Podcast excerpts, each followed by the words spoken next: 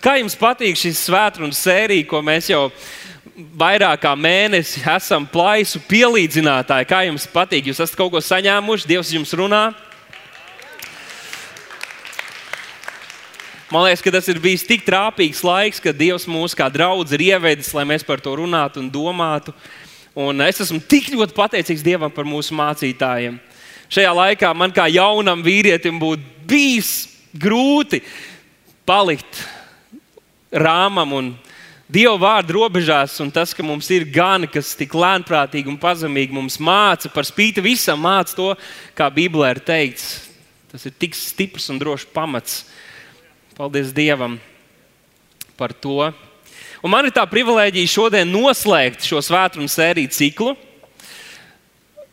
noslēgšu šo svētdienas sēriju ciklu. Un, uh, varbūt kādiem jums radās jautājums pagājušajā svētdienā par tiem einuhiem. Atcerieties, mācītājs runāja par einuhiem, par einuhiem. Un kādam varēja rasties uh, jautājums, nu, kas tas ir? Un tā attapīgākie mūsu vidū uzreiz saprata, kas ir einuhi. Cik daudz varētu teikt, ka pagājušajā svētdienā jūs uzreiz zinājāt, kad mācītājs pateica, jūs zinājāt, kas ir einuhi. Es redzu, ka vairāk, diezgan daudz rokas paceļās. Tad cītīgākie droši vien devās mājās, un tajā pašā vakarā vai jau pusdienu laikā uh, tezaurā rakstīja einuhi, meklēja. Nu, es jums pateikšu, einuhi. Tas ir einuhs, ir vīrietis, kam ir izoperēta dzimuma dziedzeri vai traucēta to darbību. Tas ir tezaurs. Tātad skaidrojums, kastrēts harēma kalpotājs. Tātad valdniekam bija kalpotāji, un šie puiši, par kuriem mācītājs runāja, Daniela ieskaitot, bija valdnieka izraudzīti kalpotāji viņa karaļnamā, kur apkārt bija viņa harēms, viņa dāmas, tātad, lai pirmkārt viņa dāmas nebūtu apdraudētas no šiem kalpotājiem, un lai šie, kā mācītājs teica, lai šie strādnieki priekš viņa būtu kā roboti, kur viņiem nebūtu nekādas citas intereses vai domas par citām lietām, kā vienīgi kalpot savam valdniekam. Ar viņiem tika paveikta šī lieta, tad viņiem pēc tam vairs nebija nekādas šīs seksuālās ziņas. Bet, paldies Dievam, mēs neesam einuhi. Amen. Cik daudz esat pateicīgi par to, ka mēs neesam einuhi. Esiet drosmīgi vīrieši, vismaz sievietes, vai? Aleluja, ka mēs neesam einuhi, mēs esam einohi. Tie, kas meklē to kungu un viņu vajag, bet ne einuhi. Un tad saistībā ar šo atziņu es gribētu šodien arī būt drosmīgs un pateikt, ka es šodien gribu iznākt no skapja un apliecināt visai draudzēji prieka vēsts un visai Latvijas sabiedrībai, ka es esmu baltādains, vasarā ne tik ļoti, bet ziemā jā, baltādains, heteroseksuāls vīrietis, kurš neprātīgi mīl Jēzu Kristu. Esmu devis viņam savu dzīvi, un es nedomāju to ņemt atpakaļ. Es gribētu noslēgt šo svētdienas sēriju plaisu pielīdzinātāju, runājot par tēmu seksualitātes labirintos seksualitātes labirintos. Un, ziniet, šis ir labs pavērsiens šajā visā svētdienas sērijā, jo kas gan mūsu domas un runas var novērst no visām šīs ciešanām un pārbaudījumiem, kurus mēs piedzīvojam sabiedrībā, kā ne šī tēma - seks, pornogrāfija, masturbēšana, orientācijas un tā tālāk. Es zinu, ka tas nav kaut kas ierasts, par ko mēs draudzē runājam, bet šodien ir tā diena, ja tu atnāc un zini, ja tu ies prom, tad visi zinās, ej, viņam nav vērts par to runāt. Varbūt kāds teiks, mūsu sabiedrībā tā vispār nav liela problēma. Tā nav problēma, kas šķeļ sabiedrību, kur nu vēl draudzes. Nu, ja tev tā šķiet, es pirmkārt tev nepiekritīšu, bet ja tev tā šķiet, tad var paskatīties uz rietumu pasauli, paskatīties uz to pašu Amerikas Savienotajām valstīm un redzēt, cik tur jau tālu tas viss ir aizgājis, un arī mēs strauji tuvojamies. Kādi uzskata, tā jau nav aktuāla tēma viņiem. Zini, ir kādi, kas saka, ka šīs seksualitātes lietas, tie jautājumi attiecas tieši uz jauniešiem, zini, pusauģi, jaunieši.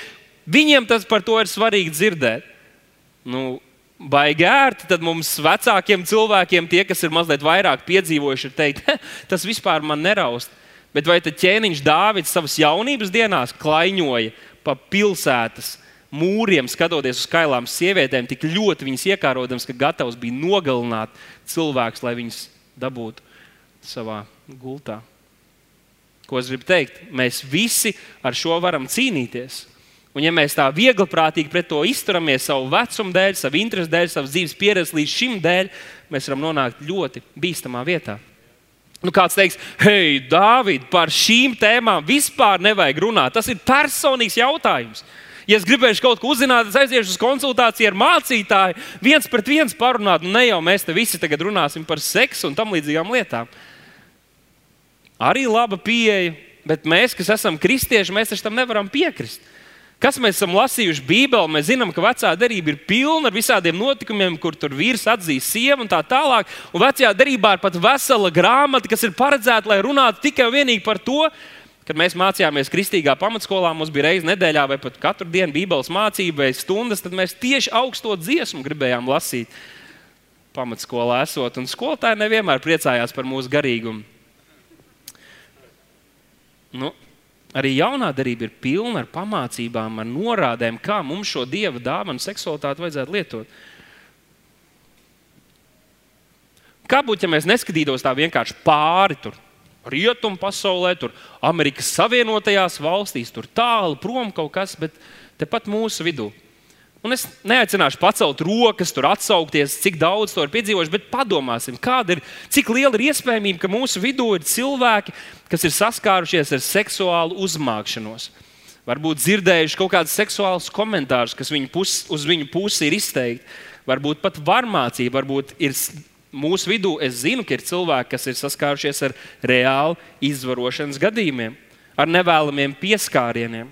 Varbūt ir redzējuši nejauši vai mērķiecīgi ilgstoši patērējuši kādu pornogrāfisku raksturu materiālus. Ir kādi mūsu vidū, kas cīnās ar savu seksualitāti, varbūt ir jauni vai vecāki cilvēki, kuri nav laulībā, vai kādi pat ir laulībā un tik un tā nespēj savaldīt šo ziņu, kas ir viņu miesās tik ļoti stipra un liela. Un mēs kāds varam teikt, tas taču ir tik vienkārši, vienkārši nedara to, vienkārši nedomā par to, bet vai tas tiešām ir tik viegli? Paskatīsimies to pašu Bībeli. Vienkārši padomāsim par seksualitāti kā tādu. Kad Dievs rada Ādamu un Ievu un dod viņiem misiju un uzdevumu viņu dzīvēm, tādu kā aicinājumu, tad tas bija cieši saistīts ar viņu seksualitāti. Augļojieties un vairojieties, kā vēl viņi to būtu spējuši izdarīt, kā ne, ja Viņi izmantotu šo dievišķo dāvanu, kas viņiem ir dota, tā ir viņu seksualitāte, augļoties, vairojoties, varēja tikt piepildīts tikai caur viņu seksualitāti. Abrahams un Sāra, Dievs viņiem dod apsolījumu, ka caur viņiem būs svētīts visas tautas. Bet arī tas varēja nākt un piepildīties tikai caur seksualitāti. Tas mums šķiet mazliet nērti par to domāt, bet lai viņi varētu saņemt šo apsolījumu dēlu, caur kura eh, mazbērniem Kristus ienāca šajā pasaulē, lai mūs glābtu. Ābrahamam, kuram bija ap simts gadiem, un viņa sārai, kura bija ļoti līdzīgā vecumā, viņiem bija jāatraisās šajā seksualitātē, viņu laulības intimitātē un jānodarbojas ar seksuālām attiecībām, lai šis brīnums varētu notikt ka mēs runājam par Noā, kurš bija taisns vīrs, kurš dzīvoja samaitātā pasaulē, tad interesanti, ka vēsturnieks saka, ka viens no šiem uh, rak, uh, no raksturojošajām iezīmēm saistībā ar Noā varētu būt, kāpēc viņš tika uzskatīts par taisnu vīru, varētu būt fakts, ka viņš dzīvoja monogāmās attiecībās ar savu sievu, tāpat arī viņa bērnu. Iespējams, ka visā sabiedrībā kaut kas tāds bija kaut kas pilnīgi neizprotams. Viss tā izvērtība, seksualitāte visapkārt bija tik ļoti progresējusi, ka viņi iespējams bija vienīgā ģimene, kas turējās vīrs, sieva, tā kā Dievs to sākotnēji bija paredzējis. Un Dievs saskatīja viņos, ka viņi ir taisni. Monogāmās attiecībās. Nu, Paskatīsimies, seksualitāte, ko ļaunu ir paveikusi. Tad, kad seksualitāte netiek savaldīta, netiek kontrolēta, netiek izdzīvot saskaņā ar šo dievišķo plānu. Nu, Sodomu un Gomoru. Mēs zinām, ka tur bija daudz un dažādi grēki un problēmas šajā vietā un laikā, bet viens no tiem, par ko Bībele visvairāk runā, ir šis seksuālais grēks, netiklība, kas tajā valdīja, ka Dievs vēlas to iznīcināt. Simpsons, viens no vecās derības svaidītākajiem dievu vīriem, kurš tik viegli rotaļājās ar kārdinājumiem, ar seksualitāti, ar šiem uh, lietām. Viņam likās, es mierīgi tikšu galā līdz mirklim, kad viņš samaksā ja, ne, ja nevar teikt visdārgāko, tad nu ļoti smagu cenu par to, ka viņš ļāvās savai, savai seksualitātei vienkārši brīvību, tā kā viņš jutās, tā kā viņš gribēja, kā viņa acis skatījās. Varētu runāt arī par Salamanu, kur Dievs viņu tā bija svētījis. Viņam bija tāds dievbijīgs vīrs, viņa tēvs, viņš bija redzējis viņa kļūdas, viņš varēja no tām mācīties, bet viņa harēmā bija 700 sievas un 300 konkubīnas. Interesanti, ka Bībeles kontekstā mēs redzam, ka bieži arī dieva aicinājuma piepildīšana var saistīties ar savas seksualitātes un seksuālo dziņu aizliekšanu, jeb savaldīšanu. Nu, viens no tādiem piemēriem, šķiet, kur, es, kur, kur es to redzu, ir Marija un Jāzeps. Viņi ir sadarinājušies. Un jauns vīrs, viena no lietām, ko viņš gaida laulībā, ir šī laulības nakts, ir šī nu, apēnošana, apciemošana, ja, šīs seksuālās attiecības, kuras visnotaļ arī Jāzeps. Nu, tas gaidīja un sagaidīja, bet tad, kad viņš uzzina, ka viņa sieva ir grūta, ka viņai ir dievs, ir uzticējis šo lielo aicinājumu, tad viņam nākas apvaldīt savas ziņas, savas vēlmes, sadarbojoties ar šo dievu aicinājumu un teikt, ok, es neaizskaršu savu sievu līdz tajai dienai, kad šis bērns dzims. Viņam bija jāapvalda sevi. Pastīsimies pirmajā mūzes grāmatā, otrajā nodaļā. Mēs redzam, ka Dievs, tas kungs, pirmkārt rada Ādamu, un tad viņš liek cietam miegam nākt pār cilvēku. Cik daudziem no jums ir ciets miegs, tā ka jūs aizmiegat, tur bērni raud, hais, salūts ir bijis pa nakti, un nevien, nekas no tā jūs nevarēja pamodināt. Ir kāds, kas var drosmīgi to pateikt? Viena roka, vai vēl kāds? Vēl viena roka, vīrs pacels, ievai roku.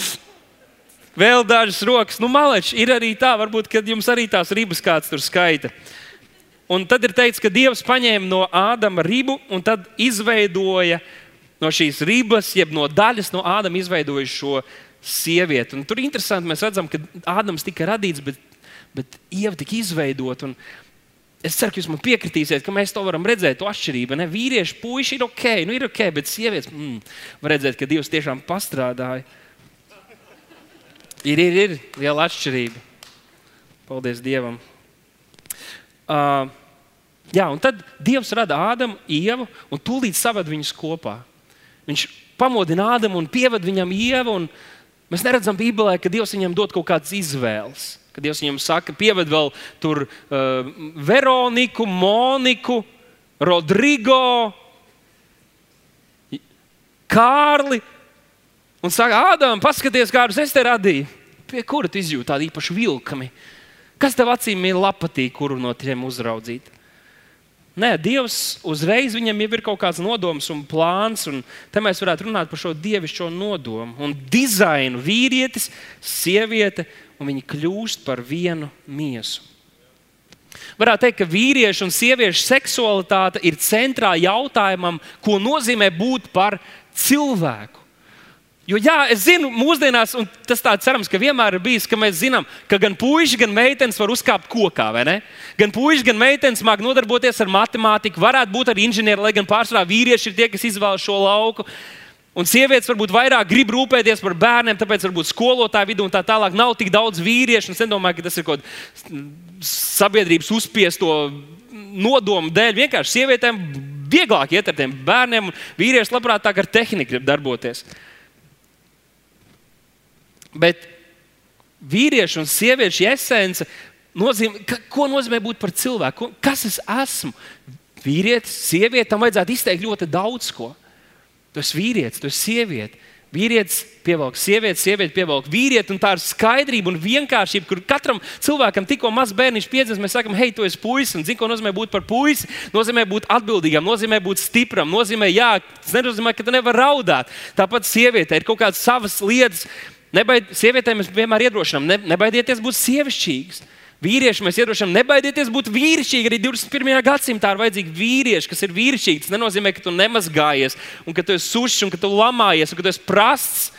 Bet šiem terminiem ir kaut kāda nozīme. Kad Dievs rada cilvēku, vīrieti un sievieti, tad Dievs rada viņus ar noteiktu dizainu, kam ir liels ieguvums un mērķis, līdzīgi kā automašīna.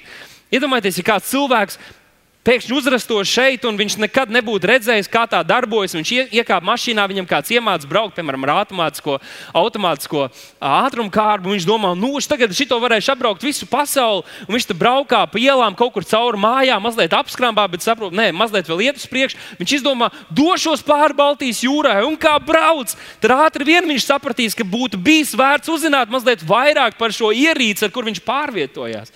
Būtu vērts izlasīt instrukcijas, lietošanas instrukcijas. Jo tas mašīna nav paredzēta, lai ar to tā pārvietojas. Un mūsu kā cilvēku lietošanas instrukcija ir atrodama Bībelē. Tas pats, tā pati persona, kas radīja katru no mums un visu to, kas ir mūsu seksualitāte, ieskaitot, ir sarakstījuši šo lietošanas instrukciju, kur viņš atklāja sevi mums, bet arī atklāja, kas mēs esam un kā mums šajā pasaulē ir jādzīvot.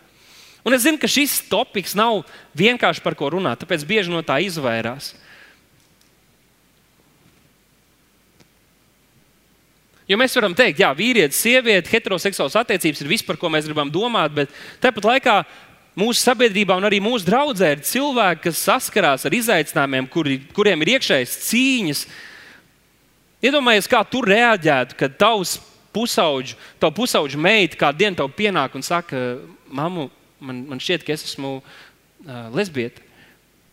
Vai tavs mazais bērns kādu dienu atnāk no, no skolas, vai vienalga, kur viņš ir bijis, un kādu dienu viņš tev pasaka, man šķiet, ka es esmu piedzimis nepareizajā ķermenī.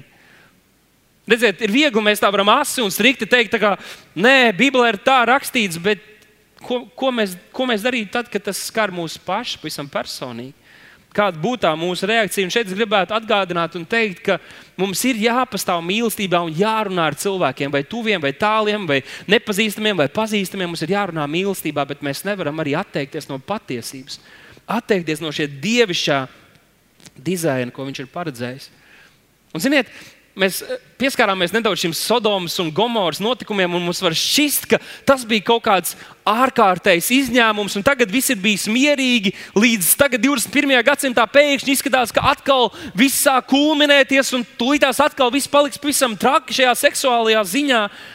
Bet tie, kas mazliet draudzējas ar vēsturi, kas kaut ko zina par pasaules vēstures notikumiem, mēs zinām, ka tā nebūs patiesība. Šādi notikumi un tāda liela uzplaiksnība notiek ik pa laikam, un es gribētu, lai mēs drusku ieskatāmies pēdējo simts gadu laikā, kas ir noticis.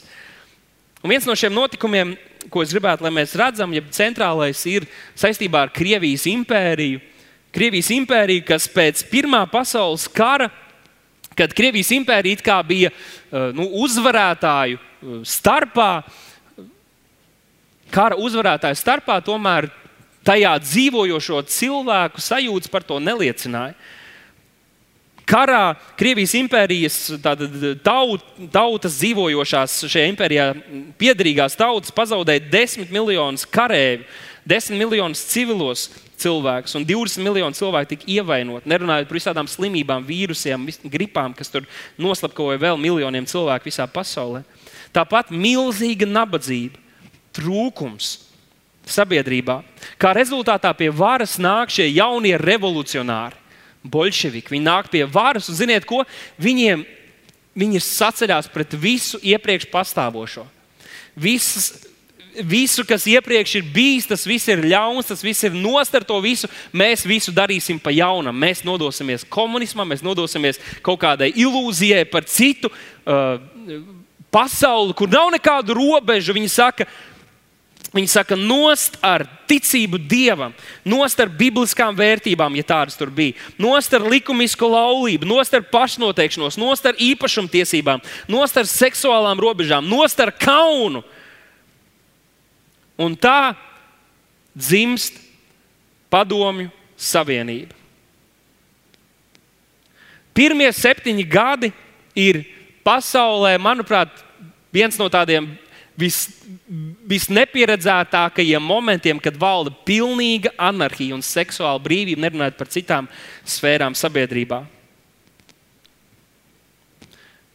Maskavas centrā pludmales kļūst par nūdistu pludmalēm orģijas, seksuālas attiecības tiek veiktas parkos, kāpņu telpās, vis visādākākajās vietās. Aktīvi notiek visādas seksa klubi, tiek organizēti un orģijas. Saukļi tādi kā brīvs seks nav tikai tiesības, bet arī pienākums. Tas aiziet tik tālu, ka komjoniešu meitenēm kļūst par pienākumu apmierināt komjoniešu zēnu un vīriešu seksuālās vajadzības. Atteikums ir Uh, nepadošanās šai brīvībai. Komunisms kļuva tik radikāls pašā Padomu Savienības sākumā, ka par kopīgu tika uzskatīts ne tikai mūsu īpašumu, ne tikai darbs un, un tas, ko mēs tur varam saražot, bet arī mājsaimniecības, sievas, meitas. Tas nozīmē, ka tava sieva nav tikai tava sieva, bet ir visas kopienas sieva. Un viņai ir jāapmierina arī citu vīriešu vajadzības. Tā rezultātā vīriem nākas atdot savas meitas, savas sievas, un sievietes to visu piedzīvo. Kas ir šokējoši, meitenes, kuras kļūst pilngadīgas, viņām ir jāreģistrējas brīvās mīlestības birojā. Un komjonieši un partīnieki saņem kuponus, lai apmeklētu viņas. Ne biežāk kā četras reizes nedēļā un ilgāk kā trīs stundas garumā. Tas viss notiek tik haot, tik milzīgā haosā, tik milzīgos tempos. Tās sekas ir tik traumatiskas, tik dramatiskas, ka 29. gadā, septiņus gadus pēc šī sākuma, pēkšņi šī seksuālā brīvība tiek pārtraukta un padomu savienībā seksa vairs vispār nav. Jeb šo mēs zinām, ka tas viss aizgāja tādā pelēkajā zonā, kur tas bija bijis arī iepriekš. Kas notiek pēc otrā pasaules kara 1945. gadā? Jūs varbūt esat arī dzirdējuši mazliet, bet kad es šo lasīju, kad es skatījos arī šos attēlus, pēc otrā pasaules kara, kad ir tik daudz kareivi miruši visās malās, Eiropā, arī šeit, pat Padomu Savienībā, ir tik daudz vietas, kur ir palikuši vēl kareivi, citu tautu uh, palikuši karavīru spēki, kas ir palikuši šeit. Te vairs nav vīriešu un zēnu, tāpat arī Eiropā, kas varētu aizsargāt savas sievietes un bērnus. Un notiek pasaulē vēl kaut kas neieredzēts. Miljoniem sievietes un bērnu tiek izvaroti, noslapkavoti. Pēc tam tūkstošiem bērnu ir bildes, kur tur uh, Vācijā un citās vietās ir vienkārši rindām skaists jauns sievietes vis, visām taisa abortus, jo viņas ir palikušas grūtas pēc šiem dramatiskajiem notikumiem. Mēs skatāmies, tas ir pavisam nesen, tas ir 70 gadus atpakaļ. Mēs skatāmies, ka kaut kas, ko Dievs bija radījis tik skaisti un brīnišķīgi, lai tas tiktu izbaudīts laulības kontekstā, lai tas nestu svētību, lai tas nestu pavairošanos mūsu tautā, ka vēlns to paņem. Ja tam tiek dota vaļa, un vēlns var pielikt savu demonisko roku, ja tam tiek dota vaļa, tas kļūst par kaut ko demonisku, par kaut ko iznīcinošu, par kaut ko ļaunu. Pēc tam mēs zinām, ka Amerikas Savienotās valstīs iznāk Playboy žurnāli pa visu pasauli, sāk tiek ražots uh, dažādi žurnāli, bildes, pēc tam video, ko var pirkt un īrēt. Tad dažu gadu laikā mēs redzam, ka statistikas par Amerikas Savienotajām valstīm jau 71. gadā viena ceturdaļa studentu jau ir abonējuši šos žurnālus un šo saturu kas ietekmē visu kultūru. Tātad ne tikai padom, bijušajā Padomu Savienības teritorijā, bet arī visā Eiropā un arī Amerikas Savienotās valstīs. Ļoti radikāli šī sacelšanās pret visu, kas ir bijis, kas ir pastāvējis. Ap 2005. gadu Latvijā ienāk arī internets, parādās portāli. Un viss šis saturs kļūst pieejams nevien kādiem vīriem un sievietēm, kas apkaunot stāv kaut kur pie kioskiem, lai nopirktu šo saturu, bet tas nonāk guļamistabās, nonāk mūsu kabatās. Un tā kļūst par pelnošāko nozari, kas visu laiku turpina izplasties. Cilvēki ir atkarīgi no šī, un pornogrāfijas patērēšana veido arī sabiedrības izpratni par to, kas seksualitāte kā tāda ir. Mēs varētu prasīt, kur mēs esam šodien. Kur mēs esam šodien? Nu, viens ieskats varētu būt tas, ka pat vīriešiem riepas cenšas pārdot tikai tādā veidā, ka uz tām uzsēdina vai tām blakus stāv kāda puskaila sieviete. It kā mēs citādāk nebūtu gatavi tās riepas nopirkt. Hei, tā, vai šī ir laba riepa? Tur ir kaila sieviete. Jā, nu tad pērkam. Pornogrāfija ir apkārt.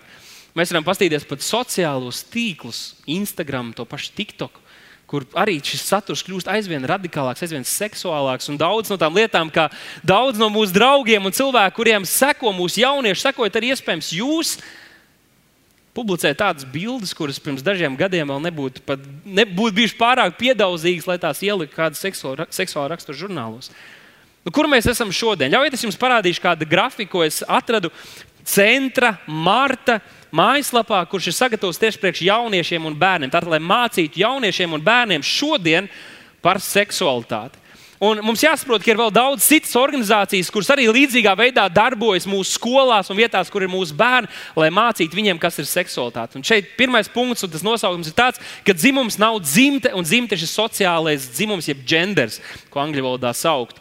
Un tad, ja bibliski mēs saprotam, ka bērns jau tāpat ir apjūts par savu seksualitāti. Viņš, mēs saprotam, ka bibliski, vai nu tu esi vīrietis vai sieviete, tas ir redzams šodien, jau pirms tu esi piedzimis, bet, bet kad tu esi piedzimis, mēs paskatāmies tev, mēs sakām, tu esi puisis, tev patīk meitenes. Un šis ir tas, ko nozīmē būt vīrietim. Un ļauj man kā tēvam tevi ievadīt šajā vīrišķībā, un sievietē māma saka, ļauj es tevi ievadīšu šajā sievišķībā. Tad šodien paskatieties, kā mūsu bērni tiek apmācīti. Tātad ne vienkārši tev ir šis bioloģiskais dzimums, bet tā tad ir vairāki faktori, ar kuriem tev ir jārēķinās. Viņi saka, ka šeit ir eh, šīs ir. Uh, kuras jāuztver kā spektrs, uz kura vai ārpus kura mēs ik viens atrodamies. Tātad bērnam ir jāiet cauri katram no šiem jautājumiem un jāliek aptuveni, kuras esmu. Vai es vispār ar to neesmu saistīts, vai es esmu mazliet saistīts, un tad kurā no šiem, neatkarīgi no tā, kāds bioloģiski ir tavs dzimums. Tātad dzimtas identitāte.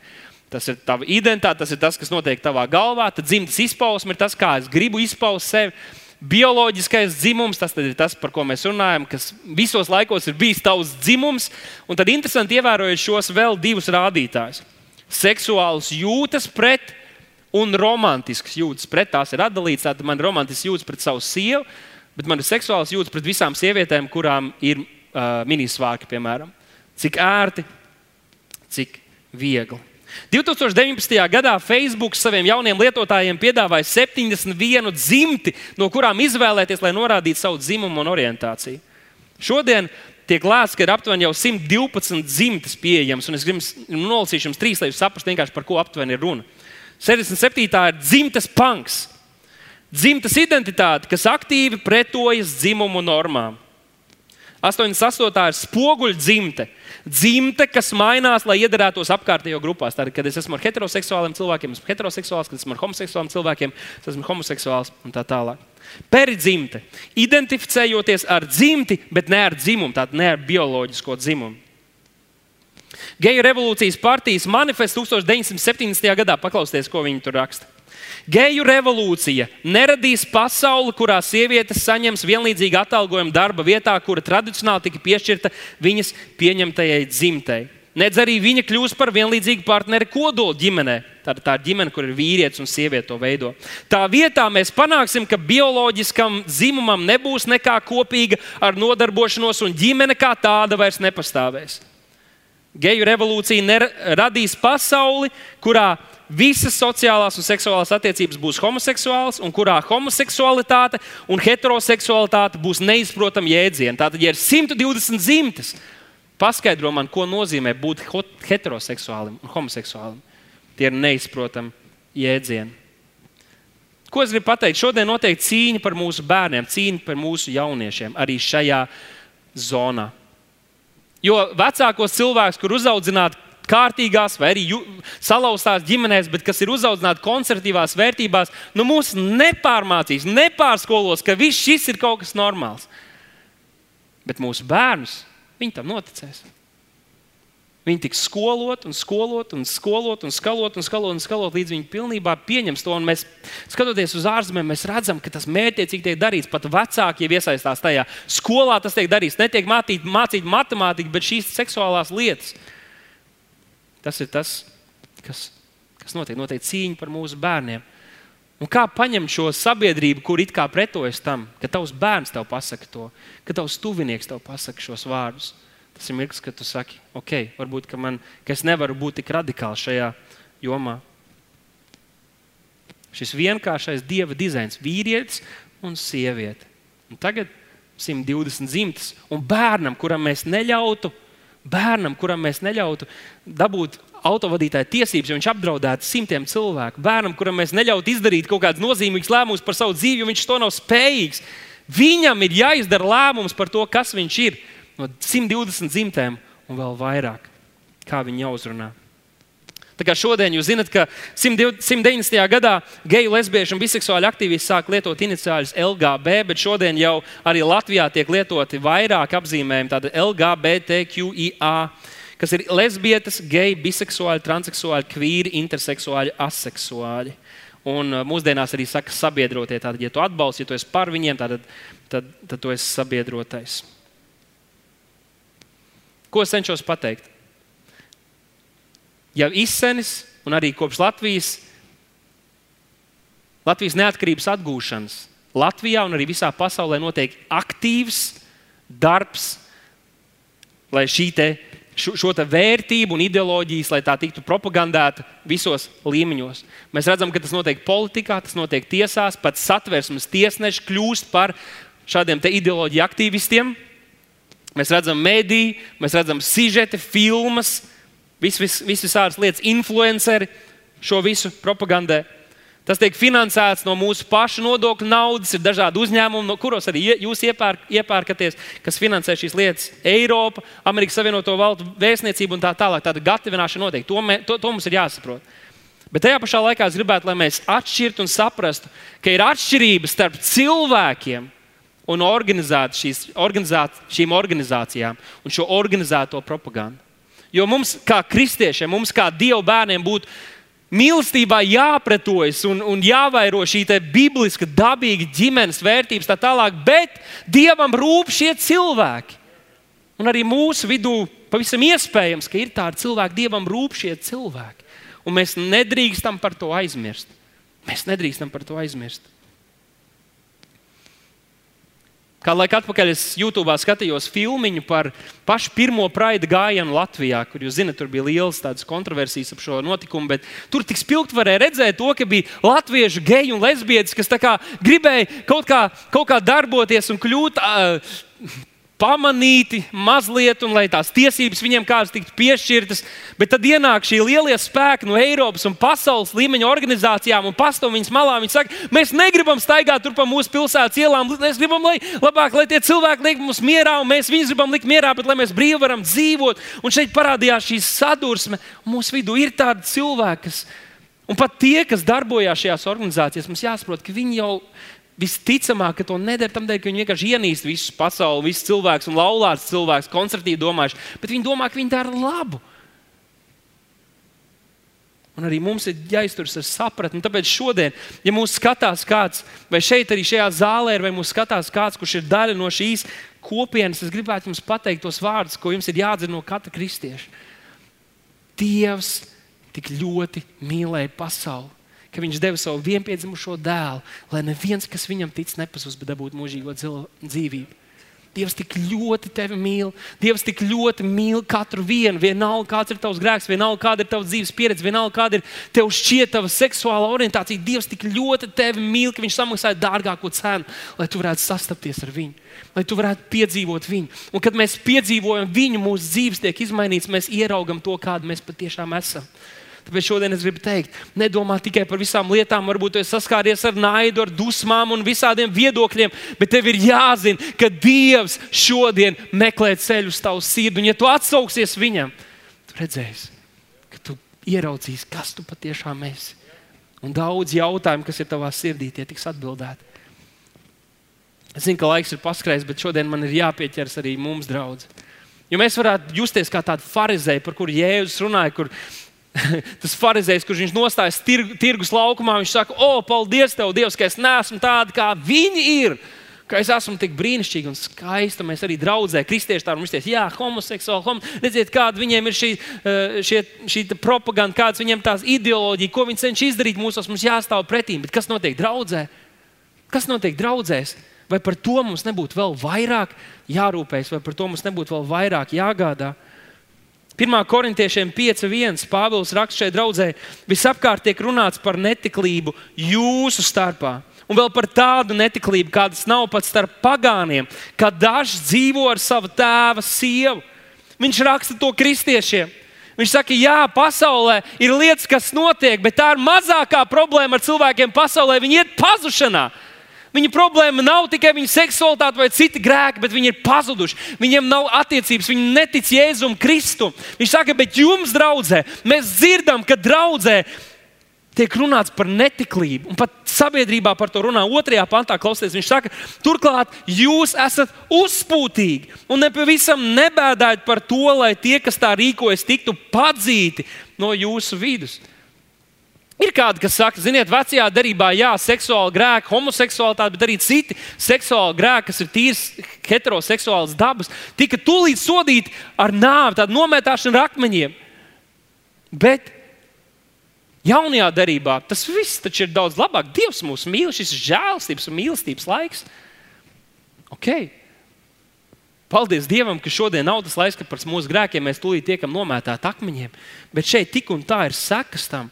Ja ir kristietis, kurš ir ienācis draudzē, ziniet, ir atšķirība. Ir cilvēks, kurš ir, kurš ir Uh, kurš ir ienācis, pie, ienācis draudzē, kurš ir iemīlējis Dievu, viņš cīnās ar savu grēku. Jā, tas varbūt arī seksuāls dabas. Viņš, jā, viņš pakrīt un viņš vēl cīnās ar to, bet viņš saka, palīdziet man, lūgsim kopā. Šī ir problēma, kur, ar kuras netiek galā. Lūgsim kopā, lai es tiek galā. Bet otrs ir, kad ir kristieši, kas it kā ir devuši savu dzīves jēzumu, bet dzīvo, dzīvo tā kā pilnīgākie netikri, runājot par seksuālām lietām. Un vēl pat par to nekaunās. Šeit Pāvils saka, ka tādiem būtu jābūt padzītiem.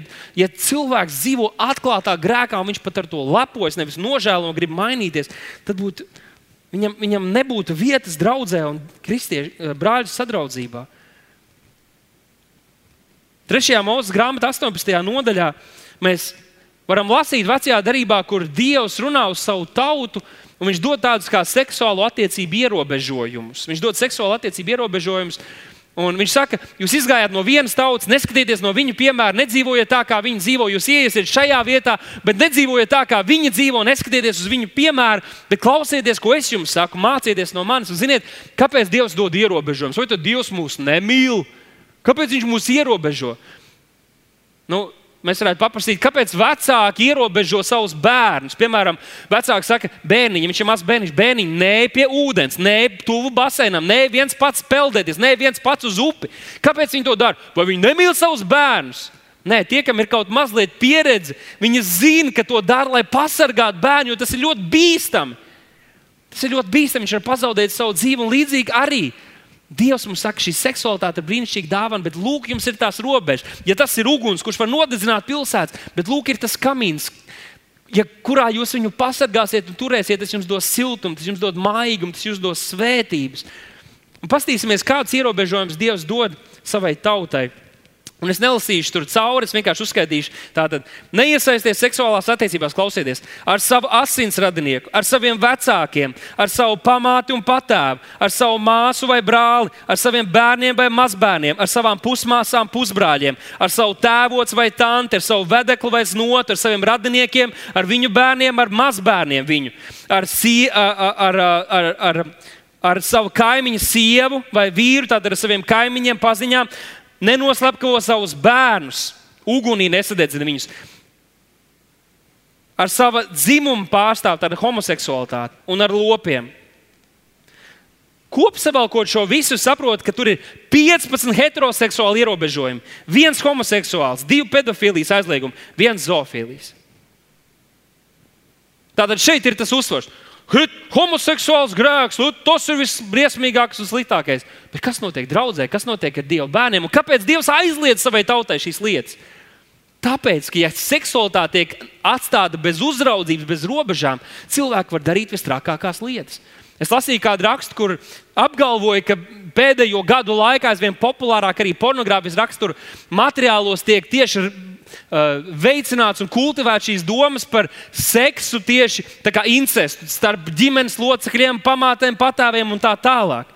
Kas notiek, kad seksualitāte tiek atlaista neierobežot, pilnīgi brīvībā? To mēs redzējām Padomju Savienības piemērā, brīvības gados. Okay, tagad ātri skriesim cauri, ko Bībelē mums saka. 1. Thesaloņķiem, 4. nodaļa, 3. pāns. Tas ir Dieva nolūks, lai jūs taptu svēti un atturētos no netiklības. Viņš to raksta draudzē. Lai jūs ik viens prastu valdīt pār savu ķermeni svētumā un godā, lai jūs nenodotos nevaldāmai kaislei, kas, ko, kā to dara pagāni, kas nepazīst Dievu. Tas ir Dieva nodoms, tas ir Dieva plāns, lai mēs atturētos. Saki, atturētos. Atturētos no netiklības, no netiklām domām lai mēs prastu valdīt. Un šeit ir runa par gara augli paškontrole. Mēs spējam savaldīties, mēs spējam valdīt ne tikai pār savām domām, bet arī pār savu rīcību. Bet viss sākas ar domām. Man patīk, kā viņš saka, nedodotos nevaldāmai kaislai, kā to dara pagāni, kas nepazīst Dievu. Tā tad ir jābūt atšķirībai. Ja cilvēks pazīst Dievu, tad viņam ir paškontrole un viņš spēj savaldīt savas mīsīgās iegribas un vēlmes, lai nenodotos nevaldāmai kaislē, bet gan kontrolētai attiecībā uz to cilvēku, ko Dievs tev dod. Un, ja tāda cilvēka nav, tad tu savaldies kā Pāvils un pilnvērtīgi kalpo tam kungam. 1. korintiešiem 6. nodaļa, un šeit mēs tagad palasīsim cauri vienkārši ļausim, lai Dieva vārds mūs mazgā un šķīsta šajā rītā. 1. korintiešiem 6. nodaļa, 9. pāns. Mums jāsaprot, ka šeit konteksts ir mazliet atšķirīgs. Šeit Pāvils nerunā tikai par seksualitāti un par netiklību. Šeit Pāvils patiesībā iepriekš runā par to, ka ir atšķirība starp kristīgo kopienu un sadraudzību un pasaulīgiem cilvēkiem. Un tad viņš saka, man ir kauns, ka kristieši nepacieš kaut kādas pārstības, bet tur tiesājas un parāda dieva draugu un kristiešu negatīvā gaismā. Un vēl sliktāk ir, ka savā starpā viņi ķildojas un tiesājas pasaulīgās tiesās, kur šādus jautājumus būtu jāatrisina draudzē, dieva vārda gaismā. Un tālāk viņš tagad pārmets, runājot par šiem netiklības jautājumiem, bet vēl kopīgi mēs varam domāt vēl aizvien, ka viņš runā par šo pasaulīgo ceļu un par šo, šo dieva bērnu ceļu. Sastais, tātad devītais pāns, lasam kopā. Nemaldiniet sevi! Nec izvirtuļi, nec zelta kalpi, nec laulības apgānītāji, nec baudu kārie, kas ir homoseksuāli šajā gadījumā, nec vīriešu piegulētāji, kas ir sodomīti, jeb zoofīļi šajā gadījumā, nec zagļi, nec alkatīgie, nec dzērāji, nec rupjību runātāji, nec lau, laupītāji dievu valstību neiemantos. Puh, viņš saka, nemaldiniet sevi! Tie, kas šīs lietas dara, un ne tikai dara, bet kas ir šie cilvēki, tie neiemantos Dieva valstību. Un varbūt šeit man pat ir jāuzsver, kur kādiem rodas kādreiz pārpratumi, jo mēs visi kādreiz samilojam, mēs visi kādreiz kaut kur sagrēkojamies, vai mēs neiemantosim Dieva valstību. Ne, viņš saka, tie, kuru identitāte ir šis grēcīgais cilvēks, kur ir izvirtuļi, kur ir tie, kas dzīvo šajos seksuālajos grēkos, tie, kuri ir dzērāji Šie nevar ieiet Dieva valstībā. Bet, ja tu esi devis Jēzum savu dzīvi, tu, tad tu esi jauns radījums. Jēzu Kristu visvecais ir pagājis, viss ir tapis jauns. Tāda tava identitāte vairs nav grēcinieks, tava identitāte vairs nav laulības pārkāpējs, tava identitāte vairs nav rupjība runātājs, tava identitāte vairs nav zaglis. Tu esi Dieva bērns, un ja pat tu kādreiz sagrēkojies, mūsu rīcība mūs nevar izglābt. Mūsu rīcība mūs nevar izglābt. Kristieti par grēcinieku nepadara viņa grēku, tikpat kā grēcinieku viņa taisnie darbi nevar padarīt par taisnu cilvēku. Tā ir ticība uz Jēzu Kristu. Viņš izmainīja mūsu dzīves, un viņš dod mums spēku mainīties. Lasām tālāk, 11. pāns. Un te klausies, šis ir svarīgi to saprast. Viņš šito ir svarīgi saprast. Viņš iepriekš saka, tāda visas šīs cilvēku grupas, ja tā ir tava identitāte, tu nevari iet Dieva valstībā. Viņš saka šai draudzēji, un daži no jums bija Palīdziet man, un daži no jums bija tādi, bet jūs esat nomazgāti, jūs esat svēti kļuvuši, jūs esat taisnoti Kunga Jēzus Kristus vārdā. Ko es gribu pateikt? Mūsu draugs ir pilna ar nepilnīgiem cilvēkiem. Mūsu vidū ir nodokļu nemaksātāji, ir krāpnieki, ir korumpanti, laulības pārkāpēji, rupjību runātāji Mūsu vidū tādi cilvēki ir. Bet jūs esat nomazgāti. Bet jūs esat nomazgāti, un tas ir darbs, ko Dievs vēl aizvien dara.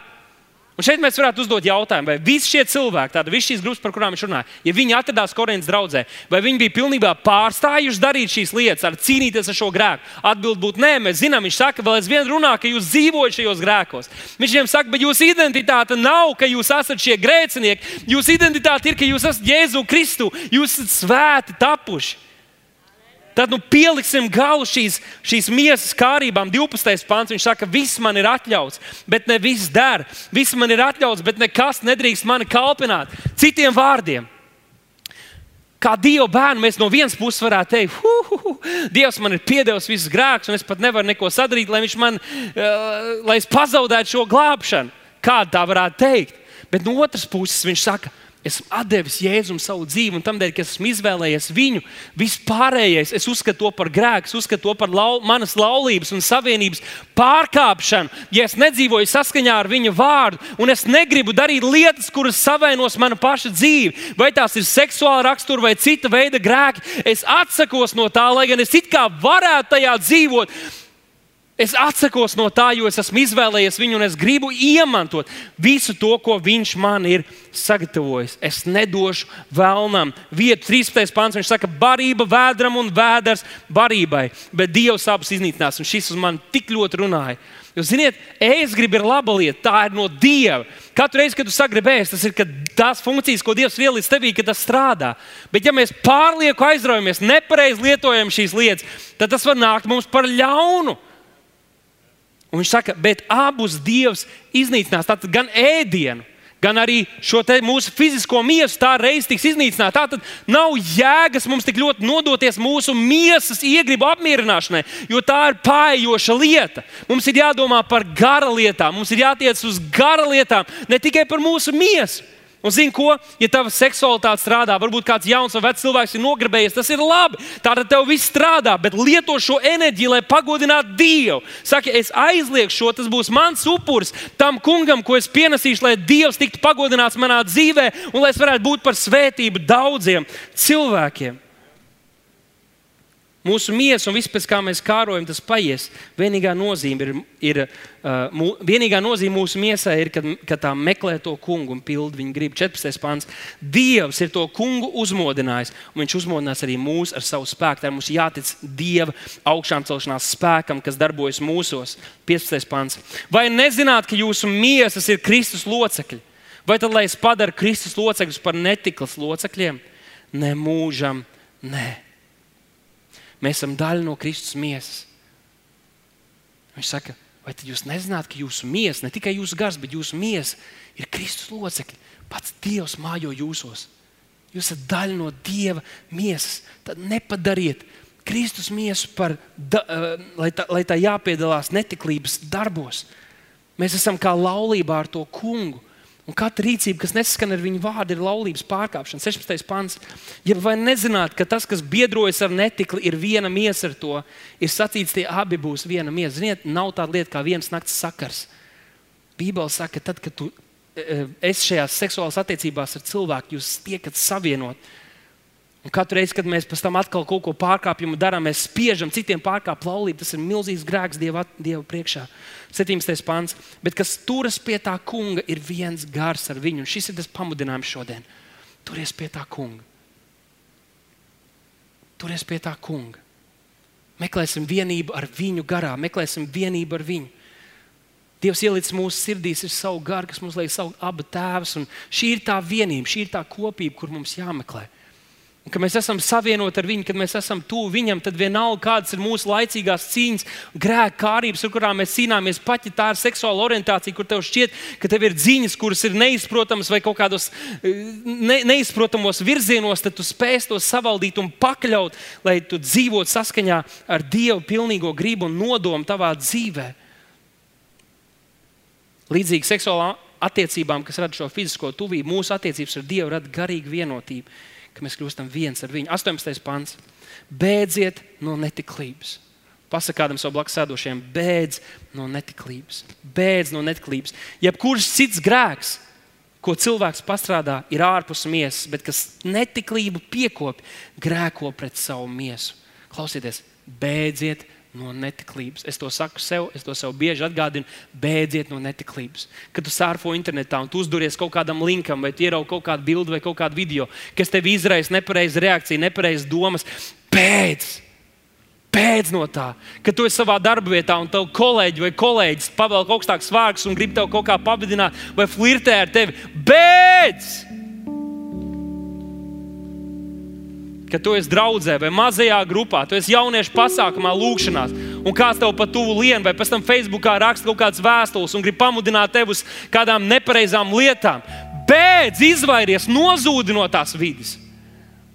Kur tu sajūti, kur tu sa sajūti šo netiklības garu, šo, šo nešķīstību. Tas var notikt arī kristiešu vidū. Tāpēc Pāvils kristiešiem to raksta. Izzūda, bēdz, laidies lapās.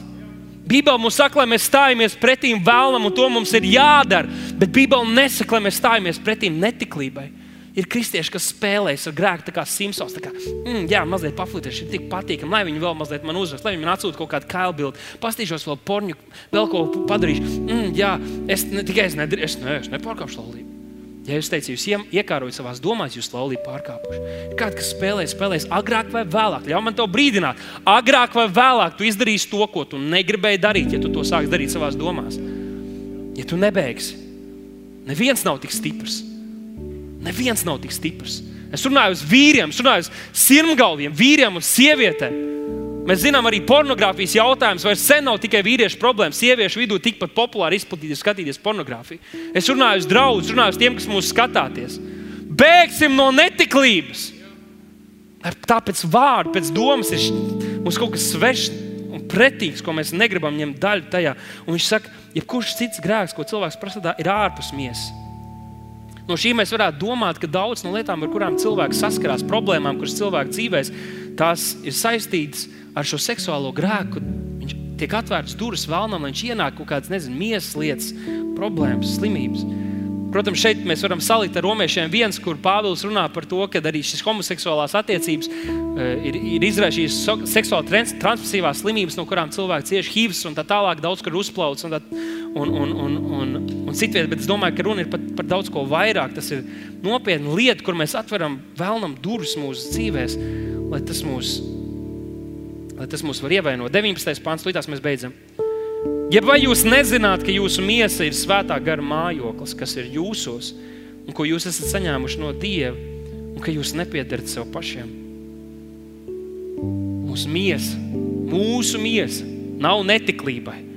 Mūsu miesa ir tam kungam. Mūsu miesā mājo Dieva svētais gars.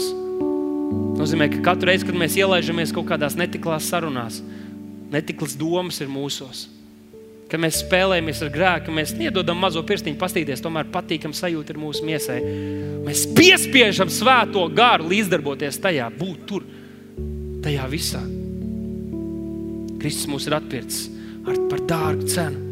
Tāpēc 20. pantā Pāvils noslēdz šo vēstuli, sakot, jūs esat dārgi atpirkti. Tā cena bija dārga, ko Kristus par mums samaksāja. Tā cena bija dārga, ko Kristus par mums samaksāja. Dārgi atpirkti. Viņš samaksāja dārgu cenu. Viņš pamudina tāpēc, pagodiniet Dievu ar savu miesu. Saka, ar miesu. Miesa nav netiklībai, bet dievam, tam kungam. Viņš saka, pagodiniet Dievu ar savu miesu. Mūsu dzīves nepieder mums pašiem. Mēs devām tās Kristum Jēzum. Atcerieties, mācītājs noslēdz romiešiem 12. nodaļā, kur teica, nodosim sevi paši par dzīves svētību un patīkamu upuru. Lūk, tas ir tas, par ko mēs šeit runājam. Mūsu gars ir nodevies Dievam. Mūsu dvēsele ir tā, kas pieņem lēmumu, bet ko dara mūsu mieslūk? Tas ir tas jautājums, uz ko mums šodien ir jāatbild. Šodien tieši saistībā ar šo seksualitāti.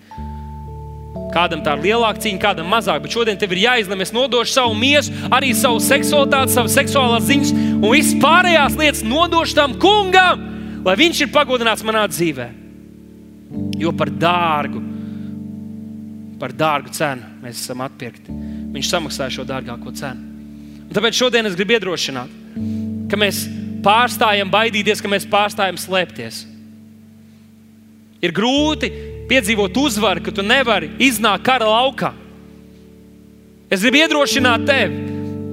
Vienalga, kāda ir tā tava cīņa, tev ir jāatrod mūsu vidū, vai tas ir kāds no kalpotājiem, tavā mazajā grupā, kāds cits uzticības brālis vai māsa, tad brāļi, brāļiem, māsas, māsām kur tu vari pacelt to gaisā, gaismā un pateikt, klausies, es jau kādu laiku cīnos ar šo. Vai tu varētu kopā ar mani lūgt un stāvēt, vai tu vari būt man atbildības persona, vai tu vari man palīdzēt. Lai tad, kad es esmu kārnam, es varu zvanīt tev, kad es atkal saskaros ar ciešanām, kad es atkal pakrītu, lai es varu zvanīt tev, ka mēs kopīgi lūgsim un stāvēsim un cīnīsimies. Es tev aicinu šodien iznākt no skapja iznāc no skāpja un atzīst, ja tev ir tā problēma, iznāc no skāpja, ja tu cīnies ar pornogrāfiju, pārstāj kaunēties, pārstāj baidīties, pacel to, nestāst to visiem, pacel to kā dievbijīgi kalpotāji priekšā un saka, vai palīdziet man, man vajag brīvību, es gribu brīvību, es gribu brīvību, jo Kristus ir dārgi par mani samaksājis. Izrādīsim sapratni pret tiem, kas, ir, kas ienāk mūsu vidū. To skaitā tiem, kas tiem, kas izjūt pievilcību pret savu dzimumu pārstāvjiem un citiem cilvēkiem, kas ir apmaldījušies, kas ir apjukuši. Daudziem no viņiem tiešām vajag palīdzību. Mēs runājam par šiem 123 dzimtēm.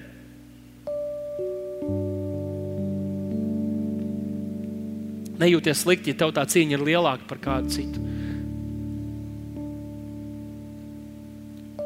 Pacelsim to gaismā. Ļausim, lai Dievs ienāk mūsu dzīvēm un ir kungs arī pār mūsu seksualitāti, arī pār mūsu seksuālajām ziņām un vēlmēm. Lai viņš ir pagodināts.